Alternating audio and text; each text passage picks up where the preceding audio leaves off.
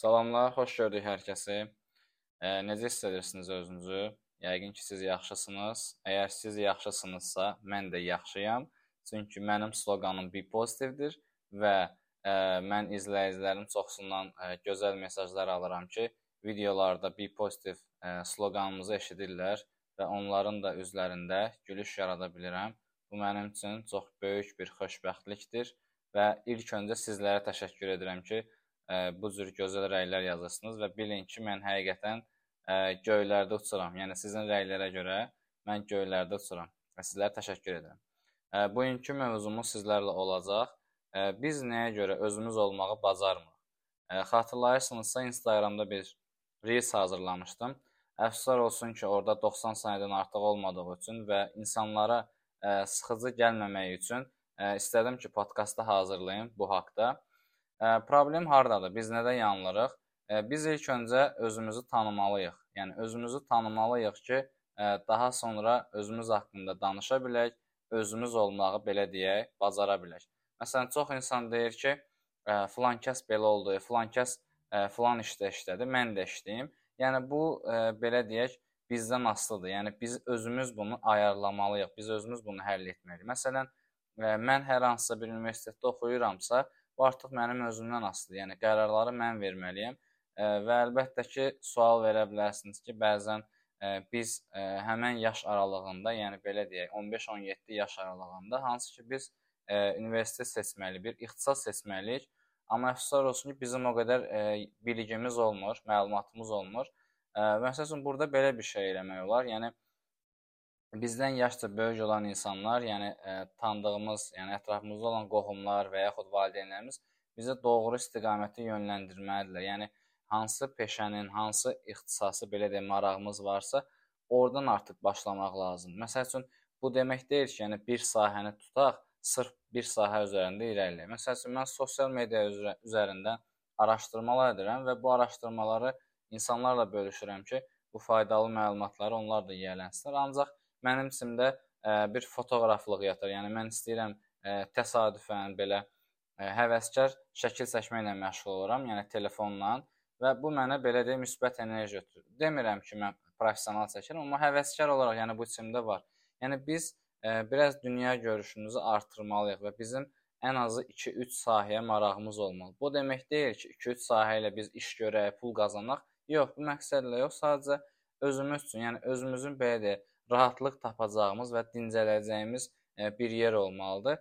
E, məsələn, mən Or Orxan Şahbayevlə bir e, bəzən danışırıq, bəzən yox demək olar çox zaman danışırıq və belə bir sual veririk özümüzə ki, yəni özümüz olmağı bəzən insanlar deyir ki, özümüz ola bilmirik, bacarmırıq, amma burada əsas məsələ odur ki, biz özümüzü tanımalıyıq. Məsələn, qıraqdan bizə deyəndə ki, kimsə ə, sən bunu düz etmirsən, məsəl üçün deyirəm, və biz artıq onu bilirik. Yəni biz bilirik ki, bunu düz etmirik və burada artıq belə deyək, hərəkətlərimizdə nələrsə səhvdirsə, onları düz yola gətirməliyik və o pis vərdişlərdən və pis hərəkətlərdən, həmçinin pis sözlərdən uzaq durmalıyıq. Yəni biz bunu bilməliyik. Yəni ehtiyac yoxdur artıq kimsə deyəndə belə biz artıq deyirik ki, yəni, okeydir, sən deyirsən, amma mən bunu zaten bilirəm. Yəni mən özümü tanıyıram ki, məsələn, çiyələk və alça yeyəndə mən çiyələyi seçəcəm. Niyə görə? Çünki mən özümü tanıyıram. Əgər biz özümüzü tanısaq, artıq o problemi belə deyək, aşmış olacaq. Və bəzən ə, çox misallar gəlir bizə ki, ə, filankəsin uşağı və yaxud ə, bizim ə, cəmiyyətdə belə bir söz yayılmış ki, cəmaatın uşağı, yəni cəmaatın uşağı ə, belə bir iş gördü, qabağa getdi, iş tapdı. Yəni bu əsas məsələ deyil. Ə, yəqin ki, siz də ə, motivasiya ilə bağlı videolar və yaxud ə, səslər dinləmisiniz ki, hansı ki, orada da bizlərə söylər ki, yəni bizim özümüzdən asılı, asılıdır. Yəni biz özümüz həyatın o de, necə deyərlər, o planını hazırlamalıyıq. Qarşımıza bir məqsəd qoymalıyıq ki, mən bu işin sahibi olacağam və yaxud bu işləri görəcəm. Yəni e, kimsə bizə gəlib deməyəcək ki, gəl bu işi gör günə. Yəni biz özümüz hardansa başlamalıyıq, qarşımıza məqsəd qoymalıyıq və hər aşamanı belə deyək, hər bir sərhəddi keçdikdə artıq bizim üçün bir e, şirinlik, dadlıq gələcək. Məsələn, mən sosial mediaya başlayanda biraz çətin gəldi mənə. E, video qarşısına çıxış etmək, səsli danışmaq, insanlarla güləriz olmaq, danışmaq əlbəttə ki, bu çətindir. Yəni məndə də birdən-birə baş vermədi. Çünki çox sual mənə gəlir ki, səndə necə oldu? sən o kompleksini necə aşdın ki, rahatçılıqla kamera qarşısında danışa bilirsən. Əlbəttə ki, bunları addım-addım etmək lazım. Yəni auditoriya qarşısına çıxış etmək hər insan bacarmır, amma ə, bacarmırsa o demək deyil ki, okey, mən sakit dayanmalıyam, mən bacarmıram. Amma cəhd etmək lazım. Ən azı bir dəfə, iki dəfə, ə, bir dəfə diliniz topuq vura bilər, bir dəfə udquna bilərsiniz, bir dəfə nəyisə unuda bilərsiniz. Əlbəttə ki, orada planlaya bilərsiniz. Yəni bu natiqlikdə də belə bir şey var ki, elə insanlar var ki, içdən gəlir, yəni bilirlər, natiq kimi danışa bilirlər. Elə natiqlər var ki, yazaraq, yəni ə, əvvəlcədən planlayırlar. Yəni bu natiqsizlik yox, sadəcə natiq olaraq planlı şəkildə yazıb və ə, yazıdan oxuyur. Yəni bu da natiqliyin bir növlərindən biridir və biz belə çıxışlar hazırlaya bilərik, yəni planlı şəkildə.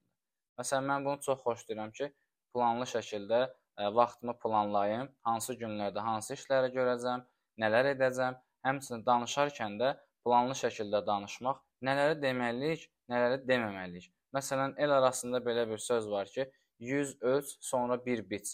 Yəni ə, məsələn, xaricilərdə də belə bir şey var ki, etməmişdən qabaq fikirləş. Yəni klikləməmişdən qabaq fikirləş. Məsələn, biz ə, e-mail göndəririk ki, məsələn, məktub göndəririk. Belə bir deyim var ki, təhlükəsizlik baxımından məktubu göndərməmişdən qabaq fikirləş. Yəni kimisə təhqir edə bilərsən, ə, e, kimisə incidə bilərsən və yaxud ə, e, hansısa bir belə deyə virusa klikləmiş olasan. Ona görə biz ə, e, öncədən fikirləşməliyik və planlamalıyıq. Yəni öz həyatımızda özümüzü tanımalıyıq birinci ki, daha sonra digər insanları tanıya bilərik. Və bu çox suallar gəlir ki, yəni bu çətindir, bunu edə bilmirəm, planlaya bilmirəm. Əlbəttə ki, insanın özündən çox asılıdır. Yəni insan qarşısına məqsəd qoyarsa, istənilən sərhədləri aşa bilər və yaxud belə deyək, e, auditoriya qarşısına çıxış edə bilər, video rahatçılıqla çəkilə bilər, e, rahatlıq rahatçılıqla danışa bilər. Yenə də bizim belə deyək, özümüzdən asılıdır. Yəni biz özümüz olmağı bacarsaq, uğur bizimlə olacaq. Yəni biz artıq uğura doğru gedəcəyik. Bəzən insanlar deyir ki, "Okay, uğur sözünün ifadəsini işlətmək asandır, ancaq siz onu necə qazanırsınız?" Yəni mən məsələn özümdə ə, bu sloqanı belə mən 2 illik belə deyək, ə, araşdırmalardan sonra artıq özümdə qeyd etdim ki, okey, mən bu sloqanı qeyd etməliyəm. Çünki mən həm geyimimlə, həm danışığımla insanlara müsbət enerji ötürürəm və əlbəttə ki, bu enerji də hardan qaynaqlanmalıdır? Bir sloqandan qaynaqlanmalıdır və bir pozitiv sloqanı ə, belə deyək, oradan yarandı və artıq mən özümü tapmış oldum. Və məsəl üçün mənim izləyicilərim Mənim 3 cür izləyicilər var. Yəni mənim səhifəmdə 3 cür izləyicilər var. Hansı ki, birinci ə, e, mənim sloqanıma görə izləyirlər və onlar deyirlər ki, biz sloqanı eşidəndə, sizi görəndə biz pozitiv oluruq, siz müsbət enerji ötürürsünüz. Bu əlbəttə ki, gözəl bir hissdir. Hər kəsə bu hissi arzu edirəm ki, sizlər də belə biznes quranda, müştəri rəyini belə alanda sizlər üçün də belə müsbət enerji yaransın. Və həmçinin də ki, məni geyimimə görə izləyirlər ki, rəngli geyimlərdən istifadə edirəm. Yaşıl geyinirəm, sarı, qırmızı, göy rənglərdən istifadə edirəm geyimlərimdə və bu insanlara yenə də müsbət enerji ötürür. Həmçinin mənə də ötürür. Yəni bu demək deyil ki, mən ə, e, cəmiyyət üçün yaşayıram, yəni cəmiyyətə ötürürəm. Xeyr, mən həm özümə ötürürəm müsbət enerji, həm ə, e, belə deyim, ətrafıma ötürürəm və əsas da ki, sosial media ilə bağlı pulsuz ə, e, məlumatlar paylaşdığım üçün insanlar bu baxımdan da məni izləyirlər. Yəni mənim izləyicilərim üç cürdür. Yəni bu fərqindəliyi belə də insanlar hiss edirlər və öz özünü özün olun, yəni özünü tanımaqdan da ə, e, əsas məqsəd odur ki, yəni fərqlilik olmalıdır. Yəni hər kəs səndə bir fərqlilik hiss etməyək. A, okey, siz məsələn sosial media ilə bağlı pulsuz məlumat paylaşırsınız, amma sizin sloqanınız var, siz geyiminizlə, gülər üzünüzlə, fərqli fərqliliyinizlə hiss edirsiniz. Və bu ə, e, podkastdan da sizlərə ötürmək istədiyim müsbət ə, e, məlumat, faydalı məlumat odur ki, siz də öz şəxsi brendinizi yarada bilərsiniz və beləcə şəxsi brendinizdə əsas iki ünsürə fikir verin ki, fərqlilik olsun. Yəni siz fərqli olasınız. Məsəl üçün deyirəm, 5 dənə fitness müəllimi varsa, 5-indən də fərqli siz olasınız. Yəni insanlar sizdə o fərqliliyi görsünlər və əlbəttə ki, burada davamlılıqdır. Yəni siz davamlı olaraq ə, postlar hazırlasanız və yaxud belə deyim, biznesinizi davamlı olaraq inkişaf etsəniz və siz uğuru qazanmış olacaqsınız. Və əlbəttə ki, sizin də suallarınız ola bilər şəxsi brendinqlə bağlı. Əlbəttə ki, bizim təlimlərə yazıla bilərsiniz, konsultasiyalara yazıla bilərsiniz və bizlər də sizlərə əlimizdən gələn ən yüksək dərəcədə köməklikləri göstərəcək ki, sizlər də öz brendinizi qura biləsiniz və çalışın bu sualı özünüzə tez-tez verin. Özünüzü tanıyırsınızmı?